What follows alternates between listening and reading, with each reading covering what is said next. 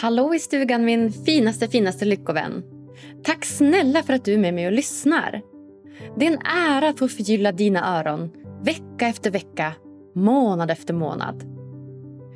Idag kommer en liten påminnelse till både dig och mig själv. Rör på dig själv fysiskt minst 30 minuter om dagen. Ja, vi har pratat om det här så himla mycket i podden nu och jag tror ingen har undgått fördelarna med fysisk aktivitet. Ja, fördelarna är så himla många. Bland annat så förbättras din koncentrationsförmåga, ditt minne och din inlärningsförmåga. Och dessutom minskar risken för hjärt och kärlsjukdomar, diabetes och cancer. Och Dessutom så får jag ofta känslan av att känna mig liksom lite extra snygg och vältränad också. Och det är ju inte dumt. Därför vill jag nu passa på att tipsa om helt fantastiska träningsprodukter som jag själv fått hem i brevlådan och använder flitigt. Megasköna, funktionella assnygga paddel och träningskläder som eh, fick mig att nästan vilja dra på mig klackarna och gå ut på krogen i kläderna. Av bästa Robin Söderling som gästade podden i avsnitt 187 och hans team erbjuder dig nu 25% rabatt på hela deras träningssortiment med allt ifrån träningskläder, tennisoutfits, paddeloutfits ja, racketar för både tennis och paddel, tennisbollar, träningsväskor ja, allt du bara kan tänka dig för den perfekta träningen. Rabattkoden Lyckopodden25 ger dig just nu 25% rabatt på hela webbshoppen.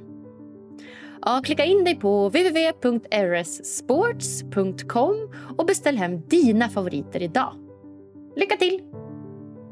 Och nu till veckans fantastiska gäst. Ja, jag är så himla stolt över det här avsnittet. För idag kommer nämligen en av Sveriges mest omtalande och inspirerande föreläsare hit. Ja, jag skulle säga att hon lätt är en av Sveriges mest färgstarka och förtroendegivande kvinnor. Hon föreläser främst om självledarskap men driver också det framgångsrika coachingföretaget MT Ledarskap tillsammans med sin man. Jag pratar förstås om fantastiska Mia Törnblom. Kvinnan som med en tuff bakgrund innehållande både drog och alkoholproblem och en pojkvän som begick självmord idag berättar om vad du kan lära dig av att gå igenom svåra perioder i livet. Ja, utöver det så driver Mia den populära podcasten Sårbar och superstark. Ja, en ren succé i poddvärlden där eh, Mia bjuder in modiga gäster att coachas i podden. Idag fokuserar vi främst på frågor som rör sårbarhet, skam och självkänsla. Varför ses sårbarhet som en svaghet? Vilka är Mias bästa tips för att stärka sin självkänsla? Och hur övervinner vi skammen? Ja, shit, så himla, himla, himla lärorikt avsnitt. Jag hoppas att ni ska älska det lika mycket som jag. Varsågoda!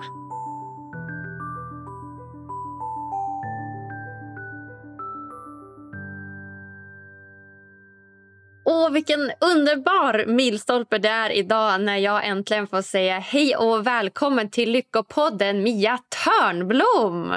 Tack snälla! vad kul att få vara med. Ja, men gud vad kul att vi fick till det och vad kul att du vill vara med.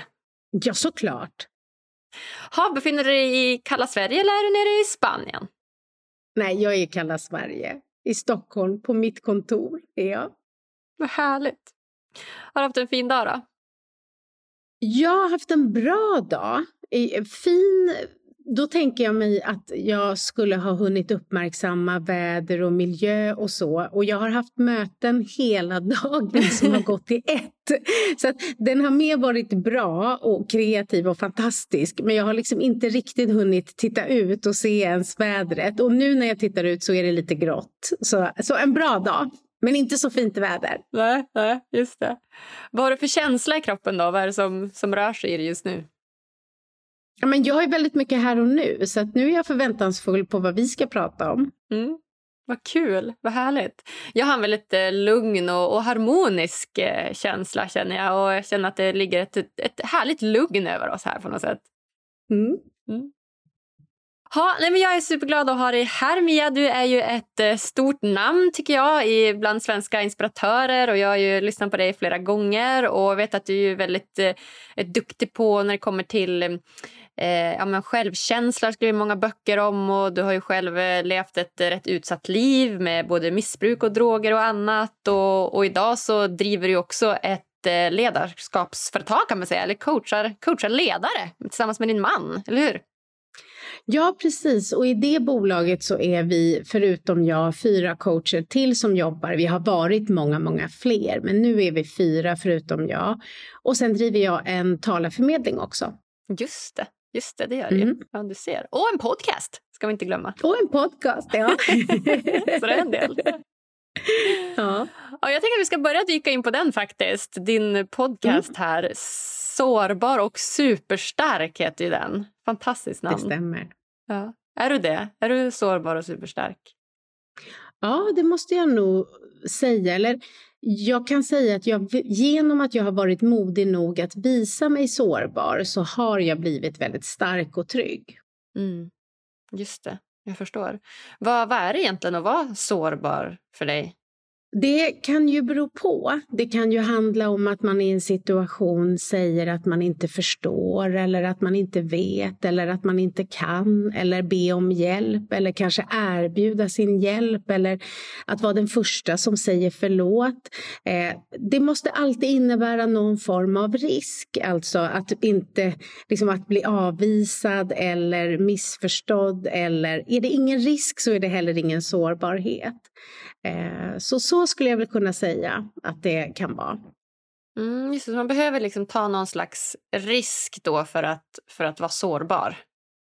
Ja, om vi aldrig Liksom, om vi alltid safear, alltså om vi aldrig riskerar att blotta oss så kommer vi heller inte komma riktigt nära andra människor. Utan då är det lite som att vi går runt och visar upp en bild av oss som, som vi tänker att andra vill ha eller gå med på eller liksom behöver. Men vi är inte helt och fullt ut oss själva.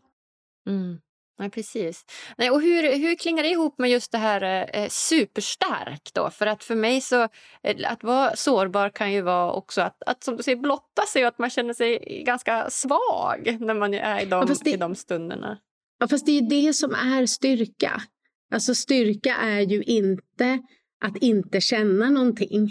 Eh, styrka är ju att våga vara i sorg, att våga vara i... Alltså det är ju att vara stark. Mm, du tänker så. Ja. ja, men det har du helt rätt i. Att man faktiskt mm. vågar och visa sina svaga och kanske mer skamfulla sidor också. För jag tänker att det hänger mycket ihop med skam för mig. Att så här, så ja, och det är ju ofta eh, att träna sig i skamtålighet är ju att göra sig fri från den osunda skammen. För om vi förenklar det och låtsas att alla människor kan ha två liter självkänsla, säger vi, bara för att det ska bli greppbart. Bär vi på skam så är det som ett betongblock som ligger och tar plats där självkänslan liksom skulle kunna bo. Och det enda sättet att bli fri är ju att dela med sig av det som vi helst vill trycka undan. Och många gånger så kan det innebära att man behöver förlåta sig själv. Eller, för, för så är det ju, det är så komplext det här hur vi människor beter oss. För att vi kan känna skam över saker som någon annan har gjort eller hur vi ser ut eller vad vi tänker. Alltså det finns också sund skam. Eh, det är bra att människor kan känna skam för annars hade mänskligheten dött ut. Alltså om jag skulle vara dum mot dig så ska jag känna skam. För det gör att jag kommer vilja ställa till rätta så den skammen ska vi liksom behålla, annars är vi psykopater. Men sen har vi den där osunda skammen som liksom håller oss tillbaka, som hämmar oss. Och den behöver vi liksom göra oss fri från och det kallar man att träna sig i skamtålighet. Och Sen när man då som jag som har delat med mig en massa saker ifrån mitt liv, det gjorde jag ju inte till allmänheten det första jag gjorde, utan det gjorde jag ju i trygga miljöer. Alltså skammen försvinner när vi pratar om svåra saker i trygga miljöer. Och sen när det inte längre är skam, då kan man dela med sig. Så att orsaken till att jag har valt att dela med mig om olika händelser och erfarenheter och framför allt mycket av mina misstag är ju för att eh, andra människor ska känna att så här, men gud, då kan ju jag också dela tillbaka. Alltså det är så vi, liksom, berättar jag något så kan ju du berätta något. Det är så vi liksom kommer nära varandra och det är så de riktiga banden stärks. Mm. Just det, okej. Okay. Gud vad bra. Så att ett sätt då att bli fri från den här skammen, eller minska skammen, det är alltså att dela med sig av den till andra då i trygga miljöer. Ja, och, och eh, när det är mindre händelser så, så kan det också vara så att jag menar när jag pratar om framgång till exempel att en av de viktigaste aspekterna det är att göra misstag och att lära sig hur man lär av misstag. Och då kan man inte trycka undan det och tänka att det här ska jag aldrig berätta för någon eller det här har aldrig hänt. Utan som till exempel, jag hade en jättemisslyckad föreläsning och, och reflexmässigt så vill jag liksom på något sätt bara så här, för, för de spelade in den på tv och min första reflex var att jag ville liksom ringa och hota dem att om ni sänder den så kommer jag spränga huset och det kan man ju inte göra. Det är liksom, jag hörde ju själv när tanken kom att, och det är för att vi har de här liksom fly, fäkta, spela död och jag har ofta fäkta som min första. Och så hörde jag sen, men gud det går ju inte. Och så nästa är ju reflexen att jag vill trycka undan. Men då vet jag att det kommer inte leda till utveckling utan det kommer bli en skambetongklump. Så då tvingar jag mig själv att ringa till min bästa kompis och berätta så här, gud det var helt hemskt och jag kom av mig och så här. Och då skrattar hon på det sättet som bara någon kan göra som är väldigt glad över att det inte var hennes dag på jobbet. Det har ju inte blivit roligt för mig ännu så jag är tvungen att ringa tre kompisar till. Men när jag har berättat en historia tre, fyra gånger då märker jag att det inte längre känns. Då har jag till och med börjat liksom ta ut svängarna och så skratta själv när jag berättar den. Och så har man liksom läkt. Och då när jag möter någon som kanske var där, istället för att jag får en till skamattack så kommer jag så här, men gud, du var på min sämsta föreläsning. Det är ju jätteroligt. Och det är styrka. Styrka är att inte behöva gå runt och ha en massa rädslor för att bli avslöjad som en bluff eller att folk kommer komma på mig eller att de vet vet något. Så att vi blir fria av att dela med oss.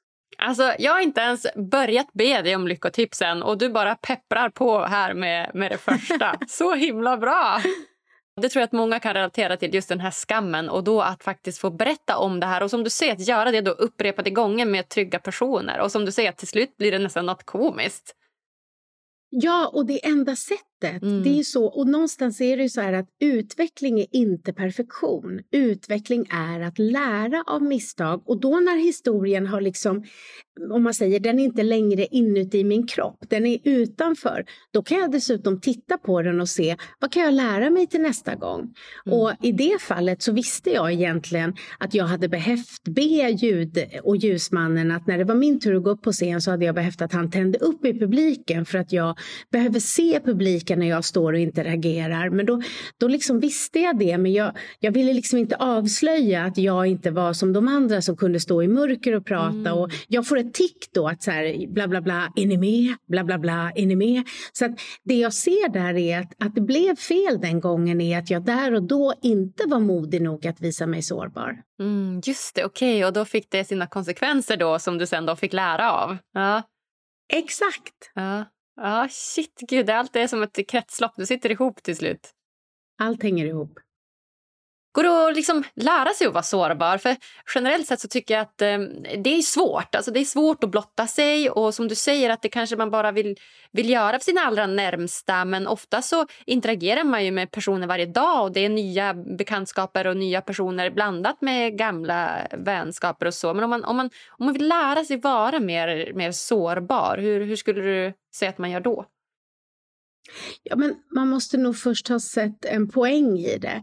Och där tror jag att det handlar väldigt mycket om att så här, vara grundad i sitt varför. Alltså, vi har ett liv. Hur vill jag ha tagit tillvara på den möjligheten? Och om där och då man vet att jag vill ha liksom försökt leva livet fullt ut, då, då vet man att den, och det är mitt varför. Och då behöver jag liksom agera ut efter det. Men om ens varför är att eh, inte någon ska veta egentligen var jag kommer ifrån eller vad jag känner och vad jag tänker, då är inte vinsten tillräckligt stor. Så då kommer man aldrig börja göra det. Mm. Okej, okay. jag fattar. Så det handlar om ett varför. Vad kan, vara, vad kan vara ett varför då? Har du något exempel? Ja, men ett varför är ju eh, liksom kopplat till mina värderingar. Alltså vad är viktigt på riktigt? Och när jag vet vad som är viktigt på riktigt för mig, då blir mitt varför i de olika situationerna en självklarhet. Ja, men varför ställer jag upp på att bli intervjuad i den här podden av dig? Jo, jag vill ge vidare det jag har fått, det som har givits mig. Det är mitt varför. Och då så sitter jag här med dig och är helt fokuserad på, du frågade mig innan vi började så här, är det någonting du inte vill prata om? Och då är det så här att, men jag gör ju det här för att ge och då är min liksom inställning att jag följer dig. Du frågar, jag svarar efter min bästa förmåga. Och då blir saker inte så komplicerade. Mm. Nej, precis. Och det kan ju vara sårbart i sig då att inte veta vad man får för frågor och att eh, dela någonting med en stor mängd av Sveriges befolkning och så. Så det är ju modigt i sig då. Ja, men sen så tror jag också att det är viktigt att skilja på att vara personlig och privat. Mm. Om jag just nu skulle gå var mitt i någonting väldigt smärtsamt, då, då är det inte rätt att prata om det om jag själv inte vet vart jag kommer landa. Det har mm. heller ingen annan egentligen så stor nytta av. Men då kan jag säga det att så här, ja, just nu så, så har jag det lite tufft och så behöver jag inte gå in i detalj. Men om jag har kommit ut på andra sidan och jag liksom vet, då är det en erfarenhet, någonting som jag kan dela med mig till vem som helst. Mm, ja, men bra där. Så säg att man är mitt uppe i någonting, inte vet jag, något jobbigt, eh, någon, eh, något breakup eller någonting så kanske det inte är läge att liksom spy ur sig det första man gör utan att det kanske är bättre då att så här, landa i det själv och sen då kunna dela med av sina erfarenheter. Och också landa och bolla. För det är också skillnad på, återigen varför. Varför skulle jag börja prata om det? Är det för att jag behöver prata om det? Men då ska jag prata med människor som känner mig, som kan spegla mig eller stötta mig eller utmana mig. Men om det handlar om att ge vidare, ja, men då måste jag titta på det här som jag känner att jag är liksom på något sätt klar med. Alltså det som jag är redo. Och då är det ju så att när jag skrev den här sista boken, för Sårbar och superstark är också en bok, det jag berättade där i den bland annat är ju att jag har brutit med min ursprungsfamilj. Och det tog fem år tills jag kände att jag var redo att dela med mig det och visste vad jag ville säga med det. Alltså att berätta bara att jag har gjort det, det fyller ingen funktion i sig. Men eftersom jag vet att det är väldigt laddat det här med ursprungsfamilj. Man liksom, när jag berättar att jag har ingen relation idag till mina föräldrar, nu har min pappa dött också med min mamma och min syster. Då är det väldigt många som tänker på sig själva och så, men gud, det kommer säkert lösa sig, det kommer säkert bli bra.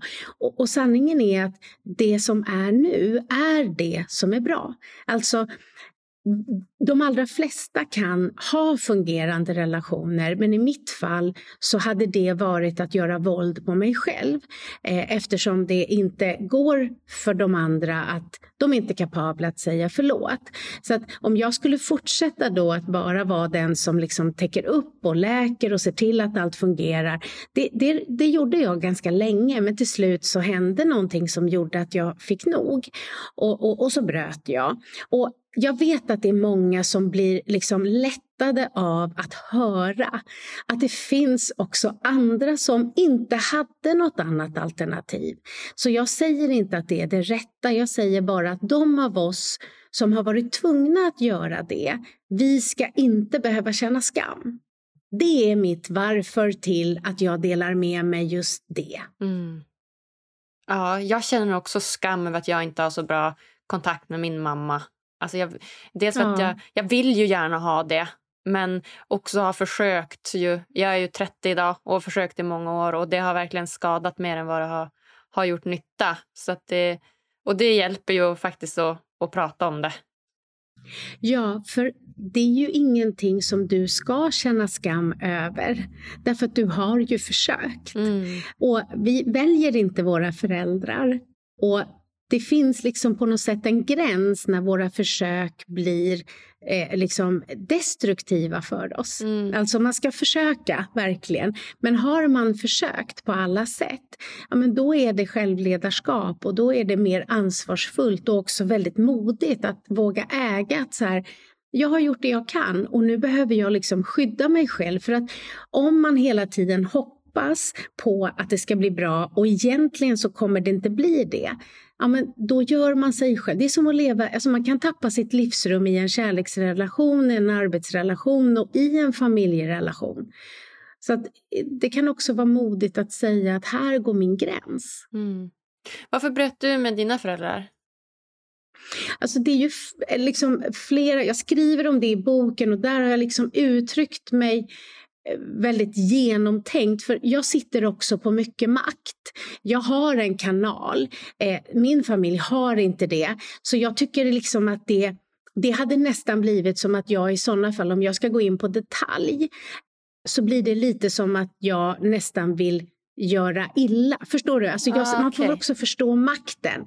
Så jag kan säga att det handlade om en massa saker som, som till slut blev det som skedde som fick bägaren att rinna över. Men om jag tittar tillbaka så har liksom, den, det har alltid varit ganska ojämnt. Jag har alltid sen jag var liten behövt ha den rollen att det är jag som ser till att det blir bra, det är jag som liksom, jag är som liksom, så att det var en, en lång eh, eh, liksom, eh, livsresa där jag, och då baserat på att när jag blev nykter då så så kände jag skuld och skam över att jag hade svikit min familj. Eh, och min mamma sa någon gång sådär att jag förtjänade inte att få en knarkare för jag har inte gjort något fel. Och när hon sa det så skrattade jag så här, nej gud det har du verkligen inte. Och eh, eh, jag täckte upp väldigt mycket i de här lite ojämna relationerna för att jag kände att det var min skyldighet för att jag hade liksom skämt ut dem. Men liksom efter 20 år så på något sätt, och jag tror att hade då inte den här speciella händelsen som då innefattar liksom fler personer, där min mamma framför allt och, och pappa och, och syster gick över gränsen för vad som är okej. Okay. Där fick jag nog. Och hade den händelsen inte hänt så hade nog det här ganska ojämna förhållandet fortsatt. Eh, men nu blev det så tydligt att det här går inte längre. Nu räcker det. Nu får det vara nog. Sen har de inte försökt be om ursäkt heller och det kommer de inte göra. Så att det är ju också så att de vill inte heller. Och då, så kan det se ut ibland. Mm. Är det en sorg för dig? Alltså det är en sorg som jag nu är läkt ifrån. Det är en sorg som jag eh, lever med. Det har gått ett par år, alltså det har gått snart sex år och, och eh, jag, det har blivit mitt normala. Alltså det här är det eh, det är på samma, jag har ju också, liksom, min förra kille tog livet av sig. Det är också någonting som jag har bearbetat och liksom blivit en erfarenhet. Jag kunde själv inte biologiskt få barn. Det har också varit en sorg, men det är inte någonting som, som sörjer eller tynger mig idag, utan det är min verklighet. Men jag har ju samtidigt också ett liv fullt av fantastiska människor som är min valda familj. Så att det, det, är inte någonting som jag liksom går runt och känner så här, åh nej och åh och om. Så då, det, utan jag har liksom försonats med att så är det. Okej, okay. och hur gör man det om man kommer ifrån liksom mycket sorg? Till exempel om man bryter med en, med en förälder. För mig hade det inneburit jättemycket sorg samtidigt som jag vet att, att det kanske är bra för mig. Och Då går jag som och väger det här att så här, men det är bra för mig fast när jag är lite för ledsen. Jag vill ändå försöka. Och så bara, jo men det är bra för mig. Du vet att det blir den här lilla vacklingen fram fast och tillbaka. Det, det, det du berättar då är ju att du har ju ännu inte bestämt dig. Mm. Är du med? Du hoppas fortfarande på när man håller på att wobbla fram och tillbaka. Och en, en, en sorg när en, någon person, en förlust när en person dör, den är ju mer konkret för den kommer ju inte uppstå igen. Så, att det, och, och det, så det är lite annorlunda där för att det, det är en, ett annat bearbetande. Men jag skulle säga att jag pratar väldigt, väldigt mycket om det jag befinner mig i. Jag har liksom eh, eh, flera styckna riktigt, riktigt bra människor som jag kan prata om precis allt med. Så jag pratar och pratar och pratar och pratar. När jag processar så pratar jag och pratar jag och pratar och under den tiden så läker jag. Liksom, jag är arg, jag är ledsen, jag liksom, det är en process och till slut så liksom, och sorg är inte farligt. Sorg är ju liksom eh, någonting väldigt vackert vackert, det står ju bara i proportion till hur viktigt någonting har varit. Liksom, så att när man säger jag beklagar sorgen så blir det fel. Man ska säga jag beklagar din förlust. För det är ju, liksom, sorg är ju vackert vackert. Alltså det är ju en viktig del av livet. Jag tror att vi är så rädda för den typ av känslor och det i sig tror jag är farligt. Så det är därför människor går runt och är arga för de är rädda för att sörja. Så att sorgen kommer liksom och sköljer över oss i vågor. Så jag tror framför allt att man ska våga vara i förlusten, i sorgen, i smärtan och prata. Mm. Skriva, prata, skriva, prata. Mm. Ja, jättebra.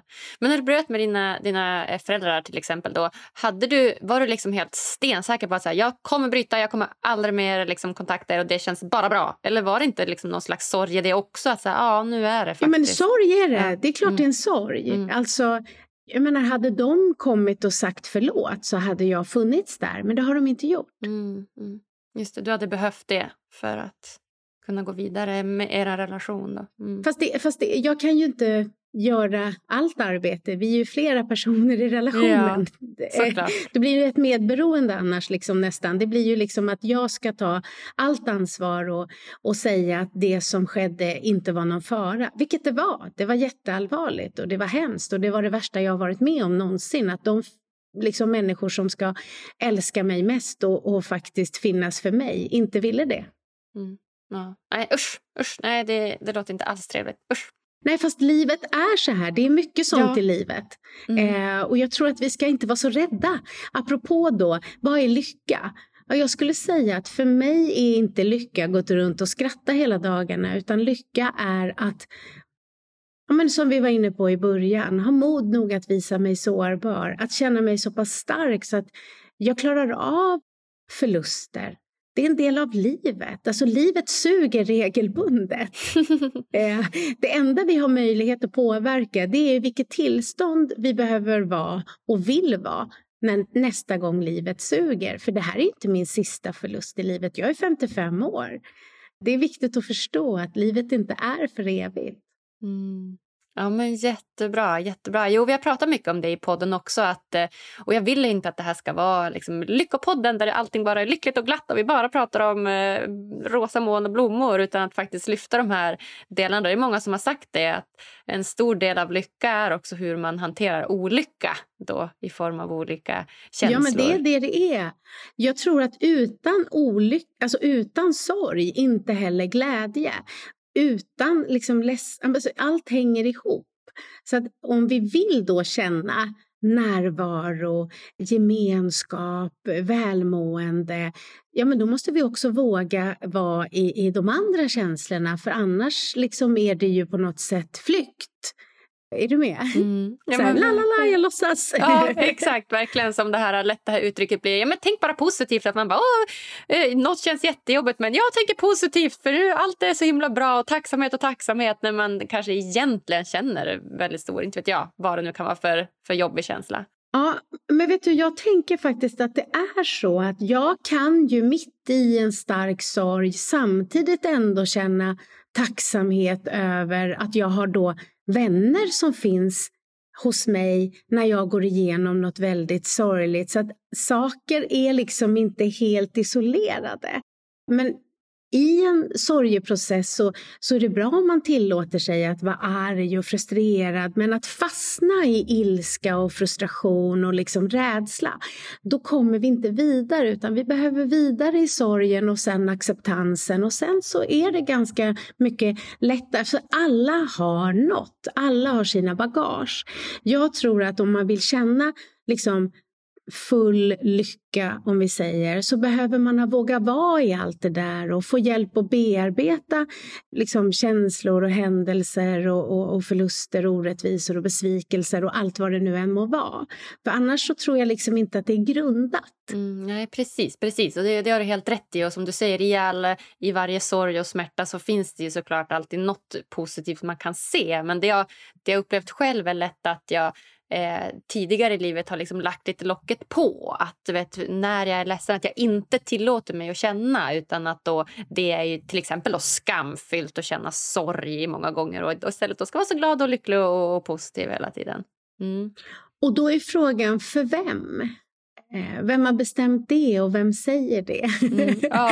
eh, så att, eh, och det beror ju lite på var vi kommer ifrån och var vi har vuxit upp. Men jag tror liksom när man reder ut det här med skammen och och också liksom, ja, men landa lite att vara grundad i sig själv och sina värderingar och vad som är vad. Och, och inte längre är så styrd av andras bekräftelse för att man har lärt sig att bekräfta sig själv.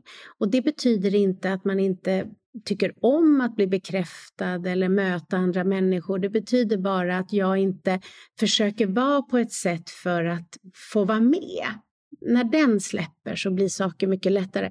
Sen är det också så att när man jobbar lite med sig själv så inser man att alla andra har sitt. Det är ingen som sitter på läktaren och tittar på allt jag gör och, och bedömer allt. Och när man den har släppt, när man förstår att så här, men om jag är svettig under armen, ingen bryr sig, de har en egen armhåla. Då blir allt det här så mycket lättare. Så mycket av det här är liksom en rädsla för liksom, hur det ska kännas eller vad andra ska tycka eller så. Så att, eh, när man får lite koll på att vända rädslor till tillit eller de osunda till ja, vad det nu är så blir det lättare. Mm. Varför lever så många människor med den här muren, den här skölden uppe idag och inte vill vara sårbara, tror du? Nej, men jag tror att vi inte har fått lära oss det här. Hade vi i skolan tidigt fått lära oss här, det här är rädsla, så här fungerar det. Eh, det här är sorg, så här fungerar det.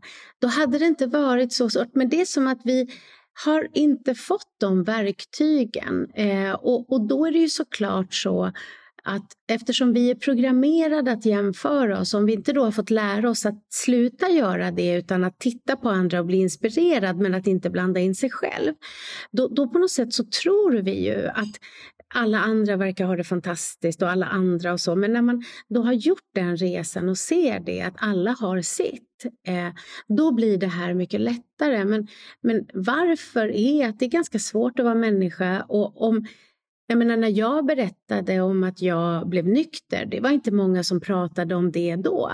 Idag är det ganska många som delar med sig sin historia, så jag tror framför allt att det blir lättare och lättare därför att man ser fler vara liksom mer sanna.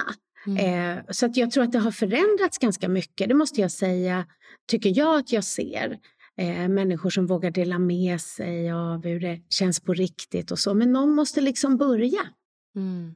Ja, men verkligen. Helt sant. Och, ja, jag, jag, upplevde ju ändå att det var ganska mycket av den här muren och skölden uppe. Framförallt när jag bodde, jag bor i Umeå nu, men jag bodde i Stockholm och, och kom in i arbetslivet och arbetsmarknaden. Så där, där eh, ja, så var det egentligen nytt för mig att komma från en norrländsk eh, mindre stad till, till storstan där det var väldigt mycket liksom, som hände. Och, och där tycker jag ofta att jag upplevde att det var svårt att och, och, komma in bakom den här eh, muren, bakom de här pengarna och makten och, och bilen och, och Volvon och vad det nu var.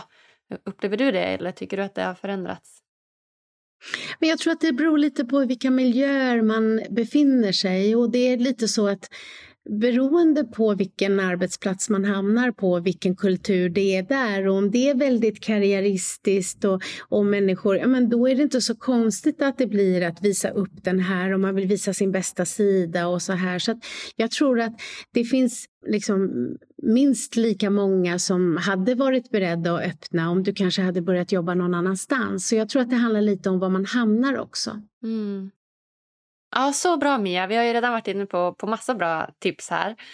Och eh, en sak som du är en riktig fena på, det har vi varit inne på, det är ju det här med självkänsla. Och det är ju någonting som, som många brottas med idag och den går ju upp och ner och den kan ju förändras under, under tidens gång. Men vad, vad är dina bästa tips på att skapa en bra självkänsla? Men jag tror framförallt att man ska se det som att man tar ett helhetsgrepp om sitt självledarskap. Alltså att man förstår att jag kan inte lägga ansvaret på att leda mig själv på någon annan. Att man ser det som en helhet och att det är lika mycket färskvara som fysisk kondition. Och vill vi vara starka fysiskt så ser vi till att träna regelbundet och på samma sätt är det med självledarskap. Det finns inga quick fixes. Så det beror lite på orsaken till att självkänslan är svag. Därför att det är det som avgör. Eh, är det så att du har blivit eh, liksom behandlat på ett sätt som har fått dig att känna dig mindre värd, men då behöver du lite eh, hjälp att dela med det. Alltså har någon annan fått dig att känna dig otillräcklig? Eller är det så att du har, eh, liksom, gillar prestation, gillar att, att, att prestera, så är det väldigt lätt att självkänslan blir liksom prestationsstyrd, ambitiösa och högpresterade duktisar. Och, och då behöver man först förstå att Självförtroende är prestation och självkänsla är egenvärde. Det är liksom den första insikten. Och bland annat så måste man då validera sig själv för den man är, inte enbart för det man gör. Det är en del. Man behöver ta makt över sin förmodligen ganska starka inre kritiker. För det går inte att bygga självkänsla samtidigt som du flera gånger om dagen säger till dig själv att du duger ingenting till och du är värdelös. Det, det är, liksom, det, det är tanken också som styr, så att det beror lite på hur kommer det sig? Eh, är det bara så att det, det liksom, eh, jag inte har förstått och inte lärt mig, ja, men då kan man ju börja med en daglig reflektion och, och, och, och titta lite på sådär, sina styrkor och saker man är stolt över och vad man behöver hjälp med. Och när man har gjort det ett tag så kan man även lära sig att titta det på, på det som inte gick så bra och, och, och vad en lärdom blir. För det ska man också veta att, att känslan av egenvärde den stärks när man då tränar skamtålighet. Den stärks också av att ta eget ansvar. Så att det handlar inte om att gå runt och säga att man är fantastisk hela dagarna utan det, det handlar mer om vad vi faktiskt gör. Och under en period när man känner sig sår, liksom skör, eh, sår, och man känner sig skör och, och, och, och, och liksom fastnar i att slå på sig själv, ja, men då måste man leda tanken till att tänka snälla tankar om sig själv. Alltså att man tänker att man behandlar sig själv som om man var någon man faktiskt tyckte om. Eh, så det är mer komplext än tre tips till. Men jag tycker att man ska se sig själv så värd att man är värd att ta reda på vad har jag för behov? Alltså, vad är det som, som, som jag behöver för att vara mitt bästa, för att känna mig stark, för att ha energi? Och sen kan det vara så att en person jobbar jättemycket med sig själv men den befinner sig i en miljö där den hela tiden blir nedtryckt, ja men då kan det ju handla om att stärka sig och faktiskt då våga lämna den miljön. Så det är komplexitet i det här som gör att det inte går att säga bara gör så här därför att vi är inte exakt likadana. Vi är ju inte det. Nej, så himla sant. Vilka metoder har du använt då? Du tyckte varit värdefulla under, under ditt händelserika liv? Ja, men jag skulle säga att jag, det är ju det jag skriver om i mina böcker, men framför allt så har det varit jätteviktigt att titta på det, alltså göra mig fri från skammen, även skulden, alltså att jag har försökt gottgöra de människor som jag har skadat och det i sig är läkande. Jag har förlåtit mig själv för saker som jag har slagit på mig själv väldigt mycket för. Så en massa arbete gjorde jag på djupet, terapi och så. Men när det gäller idag, när inte mina sår finns där utan jag är liksom en vanlig motionär, om man säger, så lägger jag fem minuter om dagen på daglig reflektion. Varje gång jag blir irriterad, så istället för att tänka på om jag skulle bli irriterad på dig nu, istället för att jag tanke, så först så här, men gud vilket pucko. Och tanke nummer två är naturligt att så här, vad håller hon på med? Men där är min reflex, för det har jag tränat på så mycket. Först är det så här, vilket pucko? Och sen är det som att jag sätter upp en spegel. Och så frågar jag mig själv, okej, okay, vad är det jag stör mig på? Varför då? Vad för känslor väcker det här hos mig? Alltså när du gör någonting, vilka känslor väcker det i mig? Och sen kollar jag på, har jag någon del i att det har blivit så här? Alltså har jag varit otydlig? Har jag varit, alltså så. Och sen är nästa fråga, var blir en handlingsplan? Och på samma sätt har jag metoder för rädsla och så vidare. Så att jag har gått väldigt mycket utbildningar, jag har gått i väldigt mycket samtal och jag har sett till att bli kompis med väldigt mycket kloka människor. Eh, det är en superkraft jag har. Och så har jag liksom av allt jag har lärt mig, för allt finns där ute, så har jag framför allt tränat, tränat, tränat, tränat. Jag har försökt göra. Och sen har jag vissa såna här saker som att så fort jag märker att så här, men gud, jag är fel ute, då måste jag ställa till rätta. Även om mitt ego vill säga, ah, fast du då, eller hade du inte börjat så. Men det tillåter jag mig inte när jag märker. Ibland märker jag inte. Men så fort jag hör, då har jag bestämt att då vill jag vara en större person. Då vill jag ha ställt till rätta, oavsett om du gör det tillbaka. Just det. Vad fint. Ja, det, och det känns som att det ju, låter väldigt, väldigt fint men att det ligger väldigt mycket träning bakom det. Det gör det. Och det är så. Det går liksom inte att läsa en bok och så har man förändrats. Det är som att läsa en bok om bakning. Det hoppar ju inte upp en kaka utan sen måste man ju börja baka eller fysisk träning. Så det är liksom inte konstigt. Det är bara det att hade vi fått lära oss det här tidigt att det är så det fungerar. Att en bok är recept och inspiration men träna och baka får vi göra själva. Då hade det varit mer naturligt. Mm, just det, precis. Så jag tror att vi måste döda den föreställningen om att eh, eh, vi förstår och så har vi förändrats. Mm. Utan insikt är starten, sen kommer arbetet. Och samtidigt också vara snälla mot oss själva och förstå, återigen, jag säger det igen, utveckling är inte perfektion. Så om man har en ambition om att vara perfekt, då står det i vägen för en stark självkänsla. Ingen är perfekt, så då kommer du aldrig känna dig tillräckligt mycket värd. Nej. Nej men exakt. Ja, vad bra. Så perfektion det kan vi bara skippa på en gång. Det bara lägger vi åt sidan. Och då brukar jag säga att de som är perfektionistiskt lagda ser det som en supertalang. Men välj när du ska ha den. För människor som har perfektionistisk tendens, de har väldigt mycket tålamod. De kan hålla på hur länge som helst. Eh, och de är jättebra. Jag är ofta den typen av personer när jag skriver böcker så vill jag att redaktören är perfektionist. Därför då kommer den inte slarva med, med min text. Men jag vill att den är lite snällare mot sig själv när det gäller andra avseenden. Så att, att man förstår att man kan sätta på on och off-knappen. Men inte ha på den hela tiden. För perfektionistiskt lagda människor de riskerar ju i större utsträckning att bränna ut sig, att bli utmattade. Och det är ingen lat människa har ju någonsin blivit utbränd. Det är bra att tänka på. verkligen, verkligen. Spännande.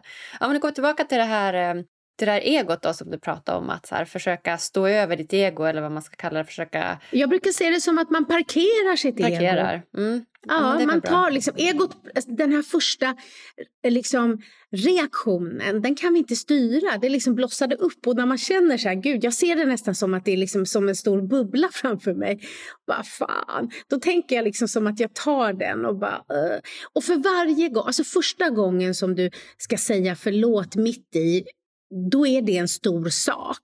Men när du har det här som ett sätt, så här, men det är kopplat till ens värderingar. Vill jag att andra ska säga förlåt när de är dumma, men då får jag ju också försöka se vad som är min del. Så jag tror att om man börjar titta på sin värdegrund och, och sen jobbar sig vidare, så att eh, självledarskap börjar ju med självkännedom. Och det är mycket koll på värderingar, behov, självkänsla själv. Så att lägga lite tid på att lära känna sig själv så man vet vad man behöver. Mm. Och hur gör man det För vi är då? inte maskiner. Ja, det är väldigt mycket eh, frågeställningar skulle jag säga. Det är inte rocket science utan det handlar ju om att fördjupa sig i frågor som vad längtar jag efter? Vad drömmer jag om? Vilka händelser har påverkat mig i mitt liv? Vilka relationer liksom ger energi, tar energi? Vad känner jag skam över? Vad känner jag skuld över? Vad irriterar mig? Vilka rädslor har jag? Alltså, titta på alla de där sakerna. Och det kan ju vara bra att ha någon, alltså lite som att gå till gymmet och bara börja riva i maskinerna lite hur som helst. Det kan ju vara bra att man har någon som instruerar en om hur det kan gå till. Men man kan ju träna på egen hand och numera finns det ju en uppsjö av liksom, litteratur och Youtube-klipp och det finns ju hur mycket som helst. Men det viktiga är att man börjar, alltså att man gör någonting. Och att man bara börjar reflektera dagligen, skriftligen, liksom, eh, svara på de här fyra frågorna, till exempel som jag använder mig av. Det gör ganska stor skillnad. Mm. För Det är som att vi sitter och tror att så här, det är ungefär som om du skulle fråga mig med fysisk träning, hur gör man så här? Ja, men du kan ju inte tro att du ska springa maraton första dagen, men gå ut och jogga i 30 sekunder och gå i fem minuter och så springer du 30 sekunder till och dagen efter så springer du lite till. Vi behöver inte tänka så mycket och göra lite mer. Mm. Just det, just det, just det. Att vi faktiskt eh, ja, men sätter våra tankar i, i handlingar och gör. Lite. Exakt. Mm. Ja. Mm. Ja, men så himla bra. Så spännande! Va?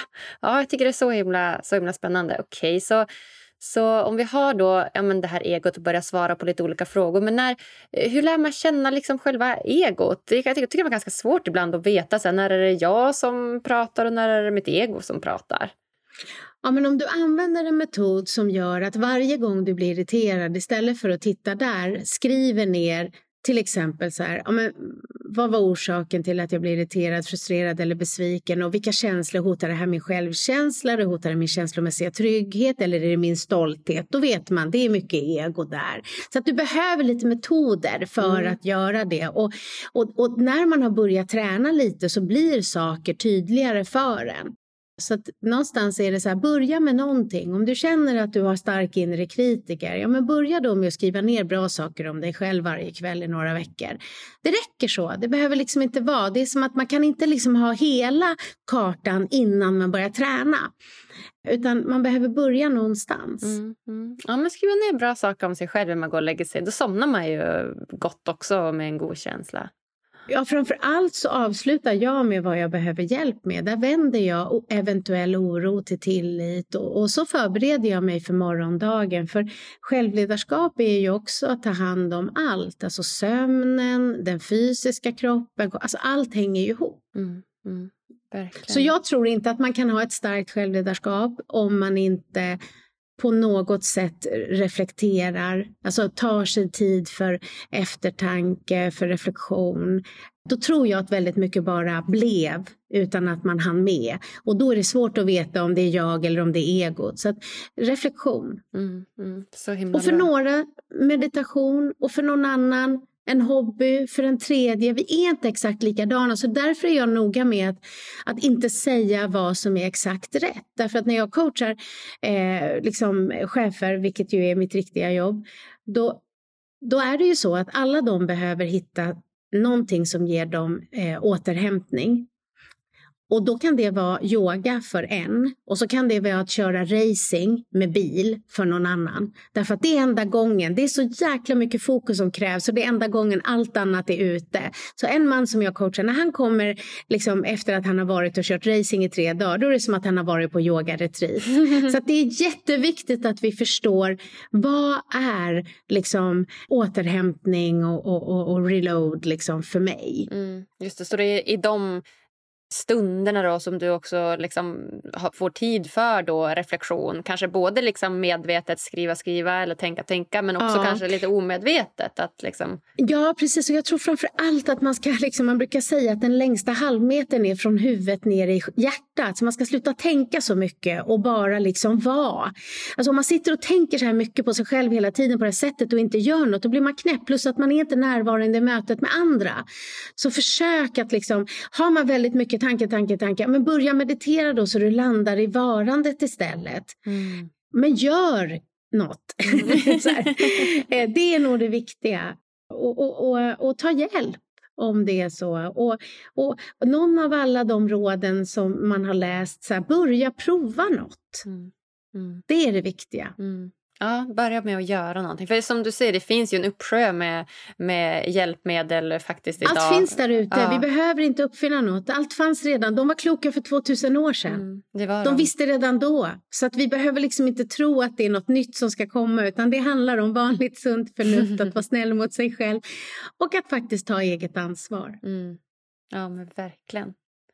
När du blev inbjuden till, eh, till Lyckopodden och, och liksom visste att aha, okay, det här handlar om lycka lycka. Okej, nu ska vi prata om lycka. Vad, vad, är liksom det, det, vad känner du är det starkaste i dig som du gärna skulle vilja dela med dig av till lyssnarna? Nej, men jag har nog inte att jag tänker riktigt så.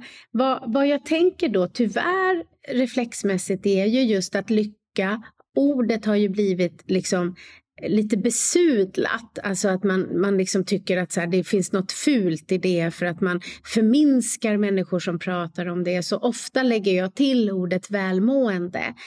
Och, och, och, du och jag har ju pratat om ganska tunga saker och, och, för mig att kunna göra det är att faktiskt leva livet fullt ut. Så att jag vet vad det innebär för mig. För mig är lycka att äta god mat med goda vänner. För mig är lycka att ligga i en soffa och liksom se fem avsnitt på en eh, Netflix-serie efter varandra. För mig är lycka att hjälpa min kompis att skriva en bok. Eller, alltså det finns massa saker som är, och för mig är lycka väldigt kopplat till tillfredsställelse. Eh, så. Så att, eh, men det krävs lite arbete och jag tror inte, för mig är inte poängen att, liksom, att, att det ska gå ut på att det ska vara lätt hela tiden. Det är klart att det men däremot så går det ut på att jag ger mig själv allt jag kan i form av energi så att det blir lite lätt lättare att hantera det som sker. Så jag har en ganska krass liksom, syn på verkligheten och blir inte förvånad när saker går åt helvete för jag vet att det är det de gör. Så att jag är liksom en, eh, man pratar om att, eh, för jag ser mig som en optimist men det är bara för att jag först har liksom tänkt ut så här eh, liksom, vad är det värsta som kan hända? Alltså jag, jag är alltid medveten. Jag går inte runt och tror att allt bara löser sig. Utan jag väljer att se det som att jag kommer klara av att lösa det. Jag ser inte att saker bara löser sig av sig själv och så går jag runt och är någon skygglappar. Utan jag ser det som att jag vågar tro på min egen förmåga. Jag vågar be om hjälp när jag behöver den. Jag, jag, alla de här sakerna gör ju att jag är mindre otrygg. Och det kanske är det som är lycka för mig. Trygghet. Mm. Mm, fint. Ja, trygghet är verkligen en del tycker jag också i lycka. Att känna sig, att känna sig trygg. Vilket är ditt bästa lyckotips? Men jag vet inte om jag har något bästa lyckotips därför att jag tror liksom inte att det är så lätt. Utan då tror jag så här att lägg lite tid på att lära känna dig själv. Fråga dig själv om du, ja men så här då. Om du skulle ha ett år kvar att leva, vad i ditt liv skulle du då förändra för att det skulle kännas som att det inte var någonting som var bra för dig? Ta då ansvar för att leva lite mer ditt liv fullt ut. Jag tror det. Alltså vi har ett liv. Ta ditt liv på fullaste jävla allvar. är nog mitt för bästa lyckotips. Ja. Och, och, när man gör det, när man har landat i att jag tänker ta tillvara på det här livet, då, då blir det lite mer så att för mig är lycka en jävla allvarlig grund. Liksom, på det har jag byggt en massa saker som är viktiga för mig och som är rätt för mig enligt mina värderingar och enligt vad som är viktigt på riktigt. Och, och då blir saker lätt. Och är det lätt, då, då är det lättare att vara glad. Mm.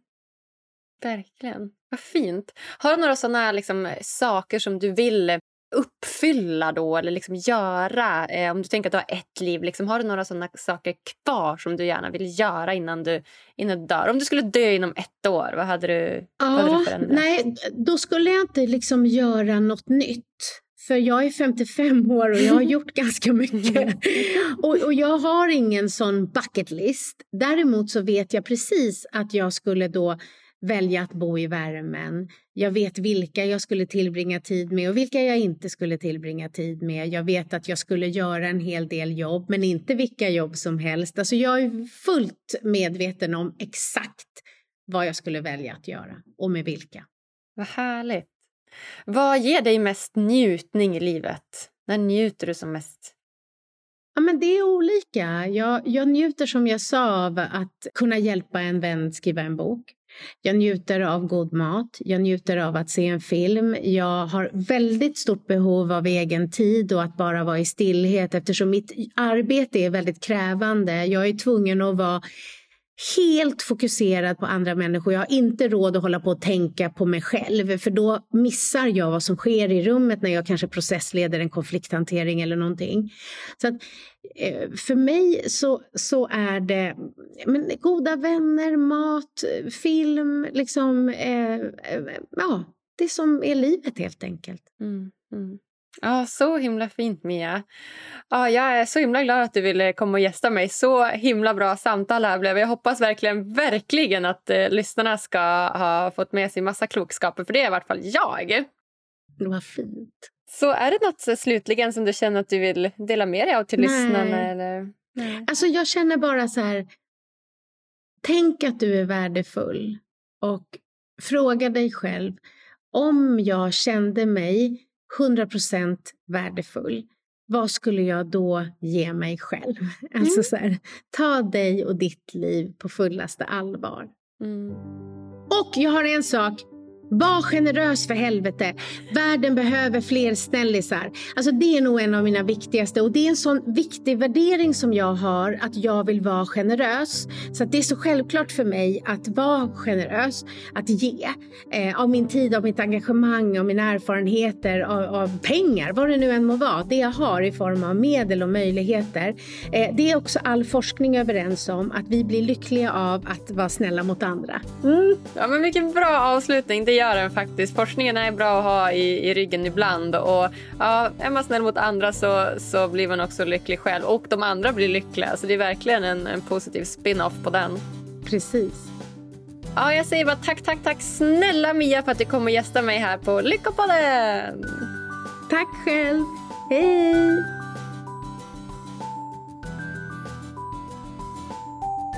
Wow, vilken härlig pondus Mia har. Så självsäker och samtidigt så ödmjuk och sårbar. En fantastisk kombo i mina ögon. Och jag hoppas hon ska ha givit dig lika mycket härlig inspiration och kunskap som mig. Och om ni också uppskattade det här avsnittet så hade jag blivit mega glad om du ville gå in på Podcaster-appen i din iPhone eller Android-telefon och ge mig så många stjärnor som du tycker det här avsnittet förtjänar. Och lämna jättegärna en liten kommentar också om du vill det. Och om ni inte får nog med lyckotips och inspiration Ja, då tycker jag också att ni ska besöka Lyckopoddens Instagram och hålla utkik efter mer matnyttig info. Vi finns också på både Facebook och LinkedIn och Twitter. Så hörs vi på tisdag igen. Puss och kram!